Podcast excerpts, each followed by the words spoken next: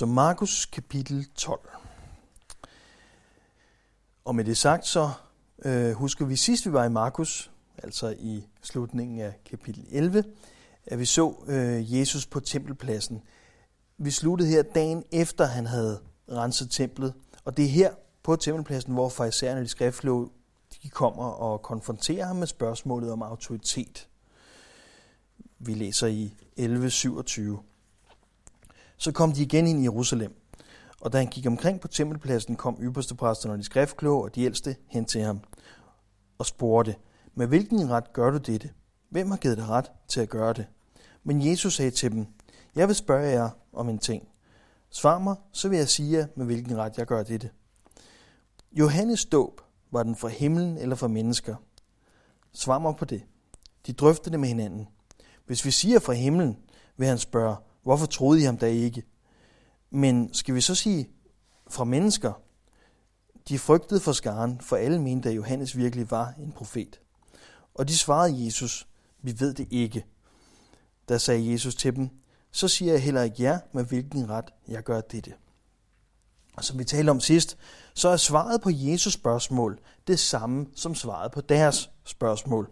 Johannes dåb, var den fra himlen eller fra mennesker? Hvor fik Johannes autoritet til at gøre de ting, han gjorde fra? Og svarer selvfølgelig implicit fra himlen. Jesus havde autoritet til at gøre alle de ting, han gjorde fra øh, faderen selv, fra Gud fader. Det var det første af øh, tre angreb, der kommer her, altså tre konfrontationer, der kommer her dagen efter tempelrensningen. Øh, og den her var udført af ypperste præsterne, og de har taget de skriftkloge de ældste med. Og Jesus han satte med denne her no-win-situation, så de var nødt til at sige, vi ved det ikke. Og det har gjort ondt på dem, og de har måske endda trukket lod om, hvem der skulle gå hen og sige det. For det var deres job at vide det her. Det var dem, som var de religiøse ledere, det var dem, som var hyrder for folket, og det var dem, hvis arbejde det var at vide den her slags ting. Er ham her øh, autoritet fra Gud, eller den fra mennesker, er det her en rigtig profet, er det her en rigtig lærer, eller er han vranglærer? Det er dem, som folk kiggede på, det var dem, der skulle have vidst de her ting. Og jeg kommer ind og siger, at vi ved det ikke. Øhm, så de var i den her no-win-situation. Det var dem selv, der, der havde startet den. Og det er i forlængelse af den dialog, at Jesus han nu fortæller lignelsen om de onde vinbønder her i kapitel 12. Så går Jesus sig til at tale til dem i lignelser. En mand plantede en vingård og satte et gær om den, og han gravede en perse og byggede et vagtårn. Han forpagtede den bort til nogle vinbønder og rejste udenlands. Da tiden var inde, sendte han en af sine folk for at få sin del af vingårdens høst af vinbønderne. Men de greb ham og prylede ham og sendte ham tomhændet bort. Han sendte en anden af sine folk til dem, og til ham slog de i hovedet og vandærede ham. Så sendte han endnu en, og ham slog de ihjel. Og han sendte mange andre. Nogle prylede de, andre slog de ihjel.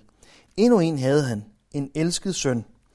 Ham sendte han som den sidste til dem, for han tænkte, de vil undse sig for min søn. Men disse vinbønder sagde til hinanden, det er arvingen, kom lad os slå ham ihjel, og arven er vores. Og de greb ham og slog ham ihjel, og de smed ham ud af vingården. Hvad vil nu vingårdens ejer gøre? Han vil komme og gøre det af med de vinbønder og give vingården til andre. Har I ikke læst dette skriftord? Den sten, bygmesterne vragede, er blevet hovedhjørnesten. Det er Herrens eget værk. Det er underfuldt for vores øjne. Så søgte de at gribe ham, men de frygtede for skaren, for de forstod, at han sigtede til dem med den lignelse. Der forlod de ham og gik deres vej. Så i lignelsen her, der har vi en vingård, og vingården er Israel. Det ved vi fra Esajas 5. Jesus han drager nogle helt klare paralleller til Esajas 5, øh, som, øh, hvor vingården er beskrevet øh, på samme måde, og, øh, og der står, at vingården er Israel. Og det er vores første nøgle til at forstå lignelsen. Dermed er ejeren Gud selv, og forpagterne er folket, og i særdeleshed øh, den, de religiøse ledere, som Jesus han her står og taler til.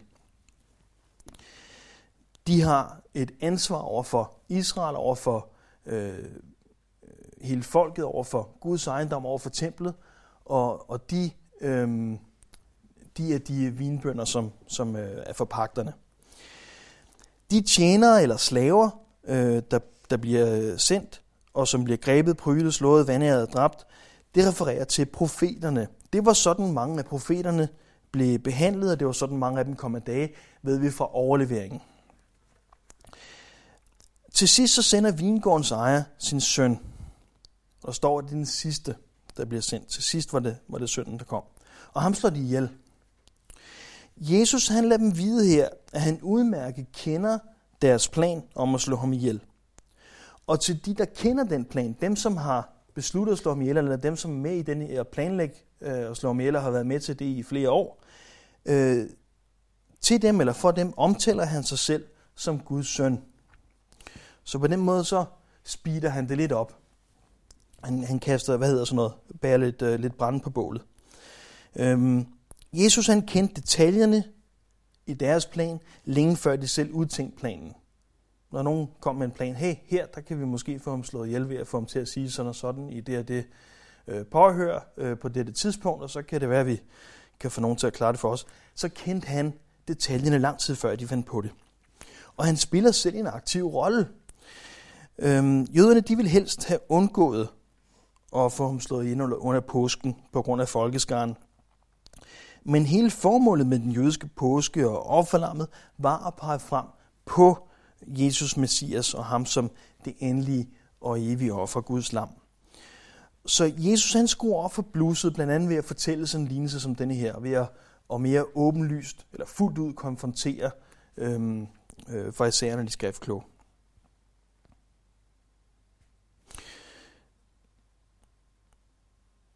Han skruer op for bluset allerede i det øjeblik, han rider ind i Jerusalem, og de, de råber øh, Hosianna, Davids søn og så videre, og han tager imod den øh, lovprisning. Så han fremskynder deres plan, så den passer ind i Guds plan. Han har absolut en agenda, og han har nogle ting, han skal nå, og han har en timing, øhm, og den får han dem til at hjælpe ham med. I lignelsen her kommer der som sagt ikke nogen tjener efter sønnen. Sønnen var den sidste. Og der kommer heller ikke nogen øh, profeter i gamle testamentlig forstand efter Jesus. Johannes døberen var den sidste af ja, de gamle testamentlige profeter, selvom han står omtalt i Nye Testament. Ikke? Øhm, Jesus var den sidste, og alt hvad der kommer efter Jesus, vidner om Jesus. Alt hvad der kommer efter Jesus, peger på ham. I vers 10, der står der hovedhjørnestenen. Og Jesus han henviser til Esajas kapitel 28, 16, hvor der står, Derfor siger Gud Herren, se, i Sion lægger jeg en grundsten, en prøvesten. Det er en kostbar hjørnesten, der lægges. Den, der tror, skal ikke være urolig. Jeg gør ret til målesnor og retfærdighed til loddeline. Hovedhjørnestenen var den sten, man brugte som anlægssten. Øh, det var altså den, man fandt kvotepunktet, højderne ud fra. Det var den, man brugte som loddepunkt og vagepunkt til, hvad der ellers blev lagt øhm, i, i resten af byggeriet. Så med andre ord, så var det den sten, som alle de andre sten blev rettet ind efter. Det var den, man, man øh, tog som udgangspunkt i, når man lagde resten af stenen. Jeg ved ikke, hvordan jeg ellers skal sige det her, sådan, så folk begynder at nikke, i stedet for at bare kigge med, med store runde øjne. Men hovedhjørnestenen var den, som de andre sten blev rettet ind efter. Ikke? Sådan. Hvis bygningen er bygget efter noget andet end hovedhjørnestenen, så vil hovedhjørnestenen selvfølgelig ikke passe ind i byggeriet. Det er klart, hvis man har brugt en forkert målestok til at sætte bygningen op efter, ja, så når man kommer med den rigtige, så vil den ikke passe. Så vil det se ud, som om det er den, der ikke passer. Og Jesus, han er den kostbare hjørnesten. Jesus, han passede ikke ind i farisæernes og øh, den religiøse elites doktrin og deres lære, for den var bygget på religion, undskyld, den var bygget på religion og menneskeregler. Men Jesus han var den klippe, de skulle have bygget på, og han var den hjørnesten, de skulle have rettet ind efter. Så når han kommer til dem, ser det ud som om, det er ham, der ikke passer ind i deres system. Men han var hovedjørnstenen. Og de forstod, at han sigtede til dem med lignelsen. Øhm, ser vi i vers 12.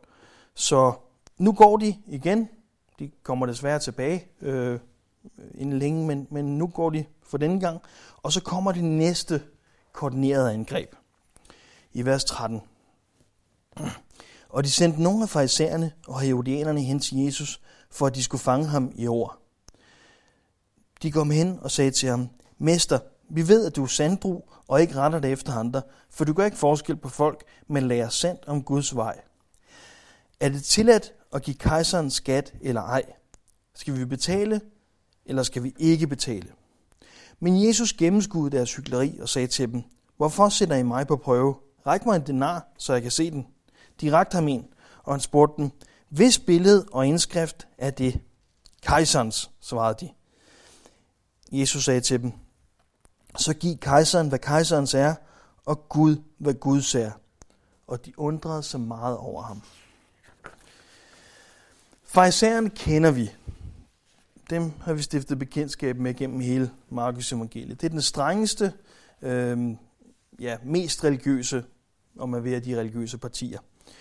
Og de udgjorde sammen med sadukærerne øh, de to hovedgrupper i det jødiske råd. Det var deres farisæernes teologi, der var den dominerende ud i folket og dominerende ud i synagogerne.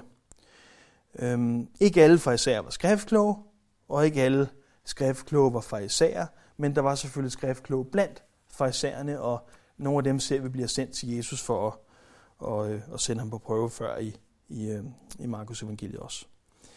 Og her kommer de altså sammen med herodianerne, deres øhm, opposition i rådet, eller deres dimensionale modsætning. Det er det mindst religiøse parti, sådan som vi øh, forstår det altså i rådet. Øhm, de var lojale. De, de, øh, undskyld, herodianerne selvfølgelig ikke i råd. Øhm, jeg tænker på nogle helt andre, vi kommer til senere. De kommer sammen med herodianerne. De er deres modsætning. De er det mest religiøse parti. Det er korrekt.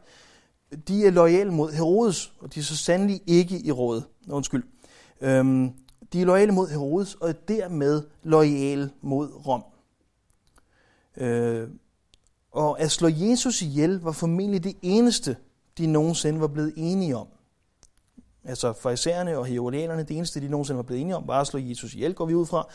Øh, og det bliver de allerede i Markus kapitel 3, hvor øh, øh, Jesus helbreder på den sabbat, og så bliver de enige om, at ham skal de vist have, have slået ihjel. Den her bizarre alliance mellem farisæerne og herodianerne, øh, de har brugt flere år på at opbygge en sag mod Jesus.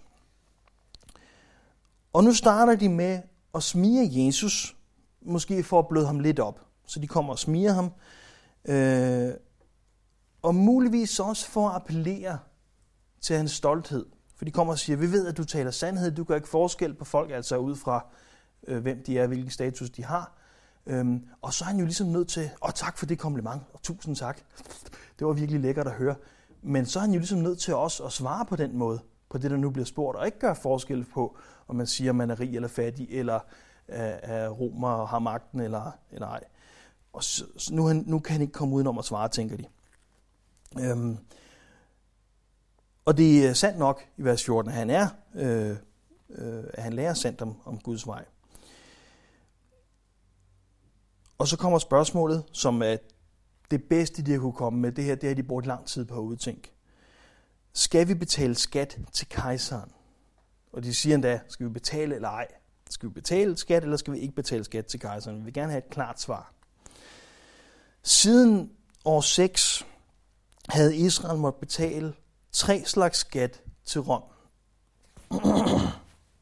en, øh, jeg har altså bare selv fundet nogle navne, ikke? En grundskat, øh, ud fra øh, den grund, man havde, hvor man betalte 10% af korn og øh, 20% af frugt.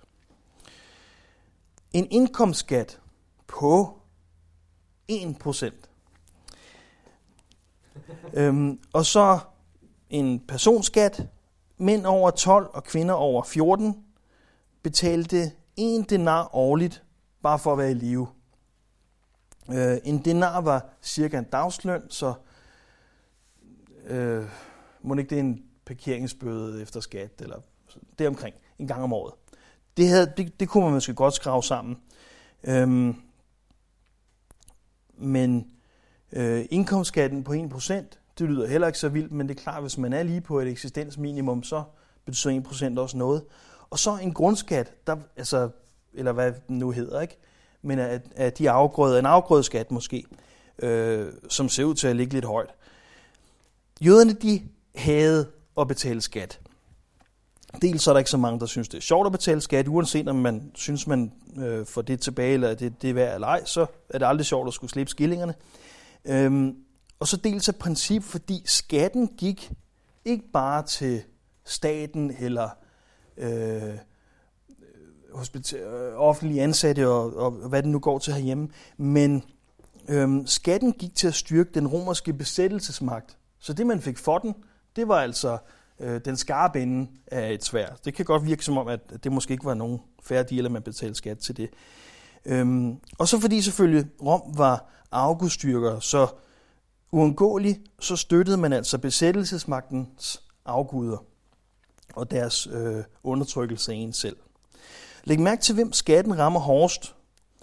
Øh, langt de fleste havde landbrug, og selvfølgelig så rammer den dem hårdest. Dem, som så sad og var øh, altså sekundære erhverv, øh, købmænd og så videre, jamen de havde måske kun en indkomst, så de betalte 1% af indkomstskat, og øh, tertiære erhverv, øh, service og øh, tollerne for eksempel, øh, jamen de, de slap egentlig billigere end dem, som, som knoklede for føden. Så man kan sige, jo højere op man var i, i hierarkiet, eller jo, jo bedre man stod, man stod økonomisk, jo større økonomisk fordel havde man i hvert fald i at være romervenlig. Og så læg mærke til, hvem der kommer og spørger. Farisæerne og herodianerne står med de her korslagte arme og siger, skal vi betale eller ej? Hvis han siger ja, så kan farisæerne stemple ham som romervenlig og sige, at han har sagt, at de skal betale til øh, den afgudstyrkende besættelsesmagt. Øhm, og så skal folket nok klare resten. Og hvis han siger nej, så kan herodianerne, de kan angive ham til romerne, øhm, og så skal de nok klare det. Og det er til synligheden en no-win situation. Jesus er skakmat, tænker de. Men der er selvfølgelig ikke nogen, der kan sætte Jesus skakmat. Øhm, og Jesus han gennemskuer deres hyggeleri, står der. Lige før der satte han ypperste præsterne på plads, øh, da han svarede dem med spørgsmålet om autoritet ved at spørge om, hvor Johannes Døber fik sin autoritet fra. Og nu vil farisæerne og herodianerne give ham tilbage med samme mønt. Så de siger, skal vi betale skat til kejseren? Og Jesus han siger, ræk mig en denar. Til synligheden så bar han ikke selv en denar. Og så spørger han, hvis billede er der på den? Kejserens, siger de. Det er ligesom det, der er hele pointen, og nu vil vi godt have et svar. På den tid var det Tiberius, der var kejser, og det var hans billede, der var slået øh, på forsiden af en denar med teksten Tiberius Caesar Divi Augusti Filius Augustus, som betyder øh, Tiberius Caesar Augustus, søn af den guddommelige Augustus. Det stod på mønten i forkortet udgave, så hvis I finder et billede af sådan en mønt, så står der ikke hele det her, for det er ikke plads til, så det står altså i forkortet udgave med nogle bogstaver, der giver endnu mindre mening for os. Og på bagsiden stod der Pontif Maxim, som betyder ypperste præst. Husk på, at øh, der var den her kejserdyrkelse på det tidspunkt, at kejserne blev mere og mere dyrket øh, som en gud af romerne. Øhm, og Jesus han siger så, så giv kejseren, hvad kejserens er, og Gud, hvad Guds er.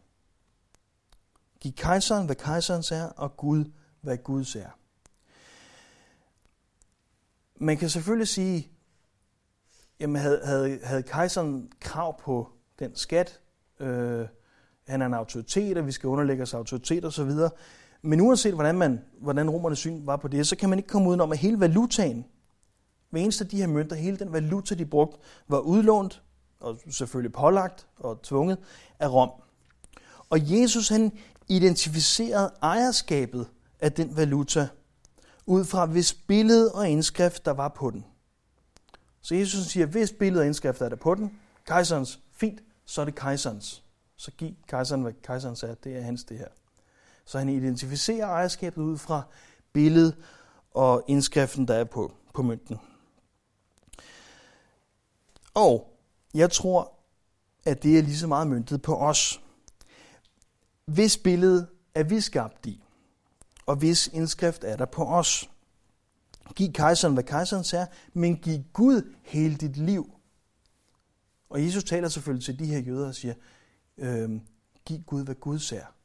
Og de står i Guds tempel, og de er Guds ejendomsfolk. Så han siger til dem, giv Gud alt, give Gud hele jeres liv. Ikke bare betale skat og give resten, men give Gud alt.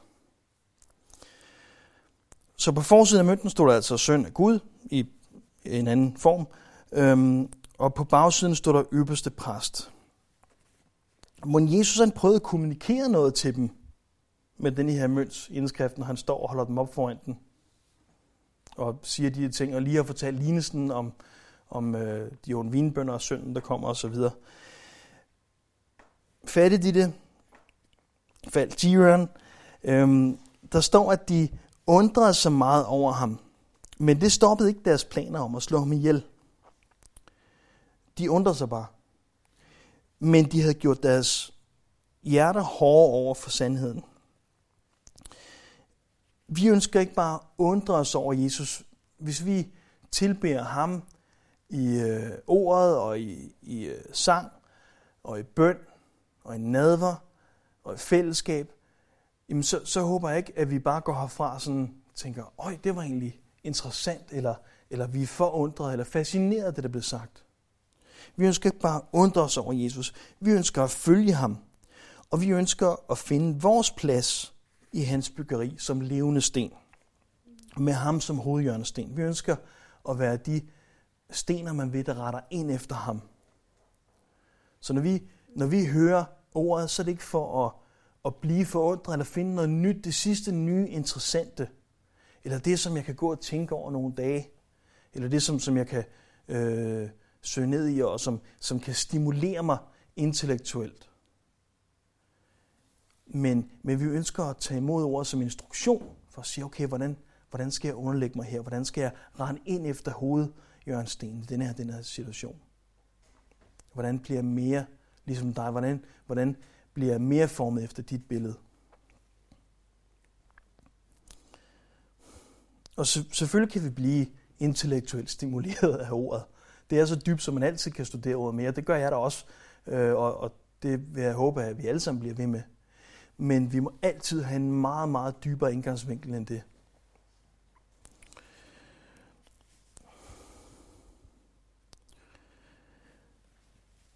Senere i Lukas 23, da de fremstiller ham for Pilatus, der lyver de bare, og så siger de, vi er blevet klar over, at denne mand vildleder vort folk, og vi hindrer, hindrer, at vi betaler skat til kejseren. Og han siger om sig selv, at han er Kristus, en konge. Så ja, man kan komme med nok så mange, øh, man kan svare nok så, så godt for sig, når nogen kommer og anklager for noget, men hvis nogen har tænkt sig at slå ind i el eller et eller andet lignende, så skal man ikke blive overrasket over, at de lyver, og det gør de bare her, og så kommer de udenom den. Så de siger bare til, til øhm, øh, øh, Pilatus, altså til romerne, jamen ham her, han vil ikke have, at vi betaler skat til jer.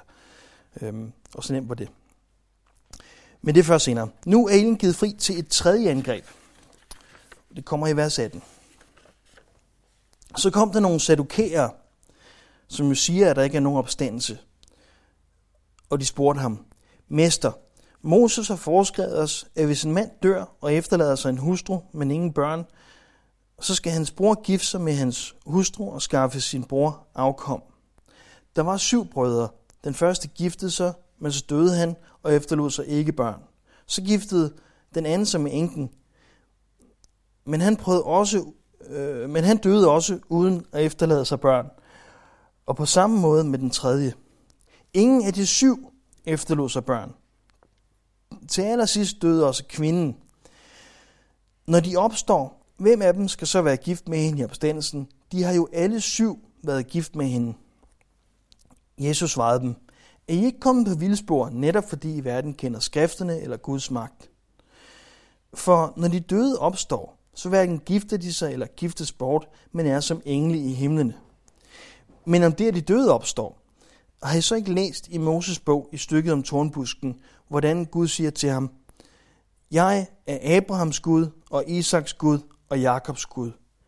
Han er ikke Gud for de døde, men for levende. I er helt på vildspor.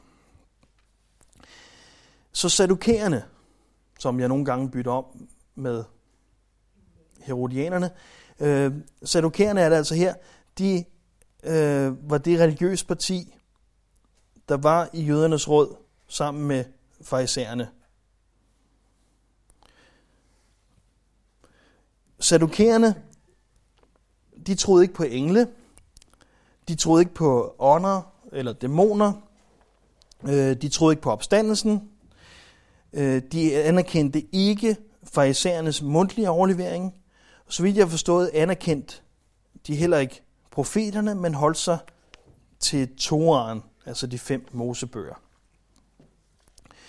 Øhm, vi ved egentlig ikke så meget om sadukerne, for de blev opløst efter templets ødelæggelse i år 70. Der var ikke så meget grund for deres øh, øh, parti længere. Det var aristokraterne, øh, de havde penge, og de øh, stod altså ligesom for, øh, hvad der havde med, med, med templet at gøre. Øh, og, og de var så i, i øh, Sanhedrin i, i jødernes råd sammen med farisæerne. De kommer så her med det her påståede eksempel. En kvinde overlever de her syv brødre, uden at nogen synes, at det virker mistænkeligt. Øhm, så hvem er hendes mand i opstandelsen? Og Jesus han svarer bare, at de er helt væk. I er helt væk, siger han. Øhm, I kender ikke skrifterne, og I kender ikke Guds magt. Øhm, for når de døde opstår, ikke hvis, og det er lige meget om, de tror, om I tror på det eller ej, men når de døde opstår, er de ikke gift, men de er som hvad? Som engle i himlen. Undskyld, ja, i hvad for noget? I himlen. Okay. Øh, og med hensyn til opstandelsen, som I heller ikke tror på, så siger Gud selv i den del af skriften, som I nu engang anerkender, i 2. Mosebog 3.6, øh, cirka 400 år efter Abraham, Isak og Jakob. Jeg er, ikke jeg var, øh, Abraham, Isak og Jakobs Gud, men jeg er deres Gud. Og vi læser om senere, at det lukkede munden på dem, og det var der faktisk nogle af, af de skriftkloge, der synes var, var ret vildt, at han lukkede munden på dem sådan. Hovedhjørnestenen passer ikke ind i det, der er bygget uden den. Uanset hvad bygningen er bygget på, så passer hovedjørnstenen ikke ind i den bygning, hvis den ikke er bygget efter hovedjørnstenen. Hvis vi er formet efter Jesus, så passer vi heller ikke ind i den her verden. Hvad er formålet med vores liv her på jorden? Jeg har heldigvis skrevet ned. Øhm, at blive formet efter hans billede, at blive formet efter Jesu billede. Det kan formuleres på rigtig mange andre måder, som også er rigtige. Romerne 8, 29. For dem, han forud har kendt, har han også forud bestemt til at formes efter sin søns billede, så er han er den første fødte blandt mange brødre. Så altså for, for, øh, for os har han bestemt at blive formet efter hans billede. Og Romerne 12.2. Og tilpas jer ikke denne verden, men lad jer forvandle ved at sindet fornyes, så I kan skønne, hvad der behager ham, det fuldkommende. Så altså tilpas jer ikke denne her verden. Lad være med at hugge jer til efter, efter en anden hovedhjørnesten. Men lad jer forvandle, så sindet fornyes og det er selvfølgelig formet efter Jesu billede. Hvis billedet er der på dig? Og hvem formes du efter det her liv? Forhåbentlig er vi alle sammen enige om, at vi er skabt i Guds billede. Og hans indskrift er på os. Men hvem formes vi efter? Hvem formes vi kontinuerligt mere og mere efter den her verden? Giv kejseren, hvad kejseren er, men giv Gud hele dit liv give Gud det hele. Ikke bare det, som kejseren, eller staten, eller verden ikke vil have, og det der er tilbage, men giv Gud det hele.